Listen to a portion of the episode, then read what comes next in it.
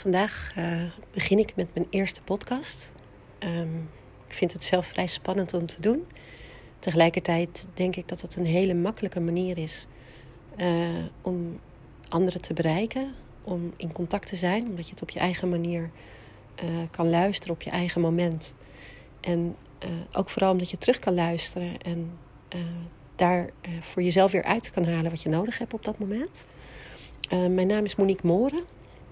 Ik ben uh, al 18 jaar, bijna 19 jaar kinder- en jongerentherapeut.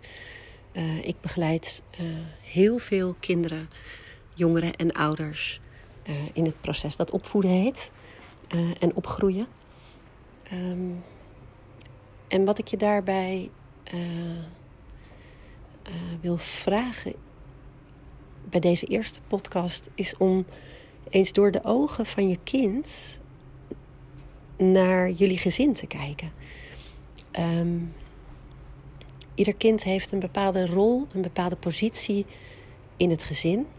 Uh, misschien is jouw kind de oudste, uh, de middelste of de jongste. Het kan zijn dat jouw kind enig kind is. Um, misschien uh, zijn er zelfs kinderen overleden. of heb jij als ouder een miskraam gekregen. Uh, waardoor eigenlijk uh, jouw kind een andere rol heeft in de kindrij hè, dan hier op aarde. Um, en ik, ik zou je zullen vragen om dan door de ogen van je kind te kijken naar wat is nou de positie van mijn kind? Um, hoe kijkt hij bijvoorbeeld naar jullie als opvoeder? Um, Hoe ziet hij jullie? Ziet hij vooral jullie als, uh, als ouder? Um, of ziet hij daar ook nog uh, de persoon, de individu, uh, los van die, van die oude rol die je vervult? Um, heeft jouw kind het gevoel dat hij invloed heeft op zijn leven? dat hij zelf iets te zeggen heeft over dat wat er besloten wordt?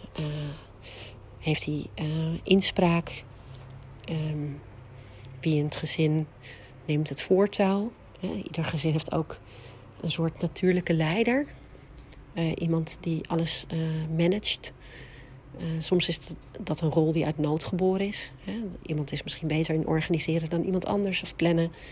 Um, een ander die is misschien beter in andere taken in huis.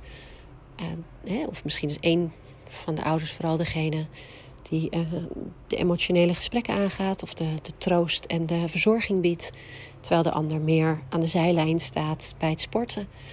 Um, het kan allemaal en er is ook geen goed of fout. Um, dus het is heel interessant om te kijken. Uh, wat is de rol van iedereen? En dan niet alleen uh, je bent een moeder of je bent een vader of je bent een broer of je bent een zus, maar ook vooral de kwaliteiten, uh, de taken. Um, wat gebeurt er eigenlijk in jullie gezin? Wat is de dynamiek? Wie is de clown? Wie maakt de grapjes? Uh, wie bemiddelt? Hè? Wie, wie is er heel goed in zorgen dat iedereen met elkaar verbonden blijft? Um, wie is degene uh, die, die misschien altijd wel het conflict aangaat of de grenzen opzoekt. Um, en wat is dan precies de rol van je kind? Dus, dus neem je kind in gedachten. En, en wat daarin heel belangrijk is, en dat is een, een vraag waar ik je toe uit wil nodigen, um, is door niet vanuit je eigen positie naar je kind te kijken. Want dat is eigenlijk een hele makkelijke. Dan, dan heb je bijvoorbeeld, je hebt een zoon van zeven. En uh, dan ga jij je voorstellen hoe dat zou zijn voor je zoon van zeven. En dat is uh, niet wat ik nu van je vraag. Want dan kijk je eigenlijk nog steeds door je eigen bril en door je eigen koker, met je eigen normen en waarden, zoals jij denkt dat het voor je zoon van zeven zal zijn. Um, terwijl als je in gedachten zeven jaar wordt. Misschien helpt het als je dan terugdenkt aan toen je zelf zeven was. Um, en je, en je bedenkt hoe dat zou voelen en wat je dan zou denken en hoe je dag er dan uit zou zien. En, en stel je voor dat jij dan degene bent die bijvoorbeeld de grapjes maakt, de clown is. Hoe is dat dan? En wat is dan jouw goede reden om dat op die manier te doen? Is dat gewoon omdat je een karakter hebt met heel veel humor? Of heb je dat nodig om dingen voor jezelf te relativeren of te ontladen? Of denk je dat je daarom juist gewaardeerd wordt? Dat jij gewaardeerd wordt om je grapjes. En weet je niet zo goed hoe dat moet als je geen grapjes maakt? Hè? Als je op het moment dat je zeven jaar wordt, wat denk je dan? Wat voel je dan? Hoe zou het zijn voor mijn kind?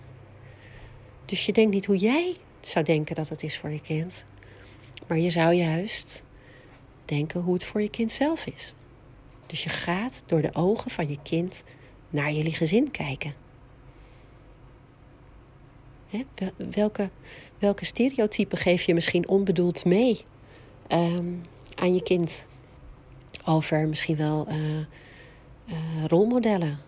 Of uh, hè, dus taken die bijvoorbeeld mama's veel doen. Of taken die papa's veel doen. Of hè, misschien als je een eenoudergezin bent. Um, dan zou het kunnen dat je natuurlijk verantwoordelijk bent voor alle taken. Maar hoe, hoe kijkt jouw kind daarnaar? Is dat dan bijvoorbeeld heel vanzelfsprekend? Want dat doe je nou eenmaal altijd. Of uh, heeft jouw kind daar vraagtekens bij? Of vergelijkt hij jullie gezin met het gezin van een vriendje of een vriendinnetje? Staat hij daar überhaupt wel eens bij stil? Kijkt hij hoe het bij anderen is? Dat zijn vragen um, die helpen bij bewustwording. En op het moment dat jij je bewuster wordt wat de positie van jouw kind is, wat de rol van jouw kind is in het gezin, door de ogen van jouw kind, dan kun je ook bewustere keuzes maken. Waardoor bijvoorbeeld jouw kind uh, meer eigenaarschap krijgt. Want jouw kind wil misschien meer zelf besluiten nemen, omdat hij zelf voelt wat goed is voor hem. Of jouw kind uh, zou willen dat iemand anders eens een keer uh, bemiddelt als er ruzie is aan tafel. Ehm, het kan van alles zijn. En de enige die dat echt weet is jouw kind zelf. Dus op het moment dat jij door de ogen van jouw kind hebt gevoeld en nagedacht en misschien ook wel ervaren hoe dat was, kun je ook het gesprek met je kind ingaan, waardoor je kind ook bewuster wordt. En op het moment dat je bewuster wordt, dan ontstaan er ook veel minder patronen die misschien helemaal niet meer helpend zijn. Ja, want het kind wat altijd grapjes maakt, dat wil dat misschien helemaal niet.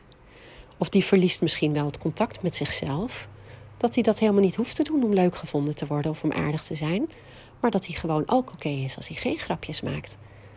Nou, dat zijn dingen die wil ik je eigenlijk voor deze eerste podcast heel graag meegeven. En ehm, in de volgende podcast ga ik hier veel meer op in. En zal ik ook stilstaan uh, bij dat eigenaarschap, wat ik net al even noemde. En komen er vast ook wel uh, andere onderwerpen aan bod.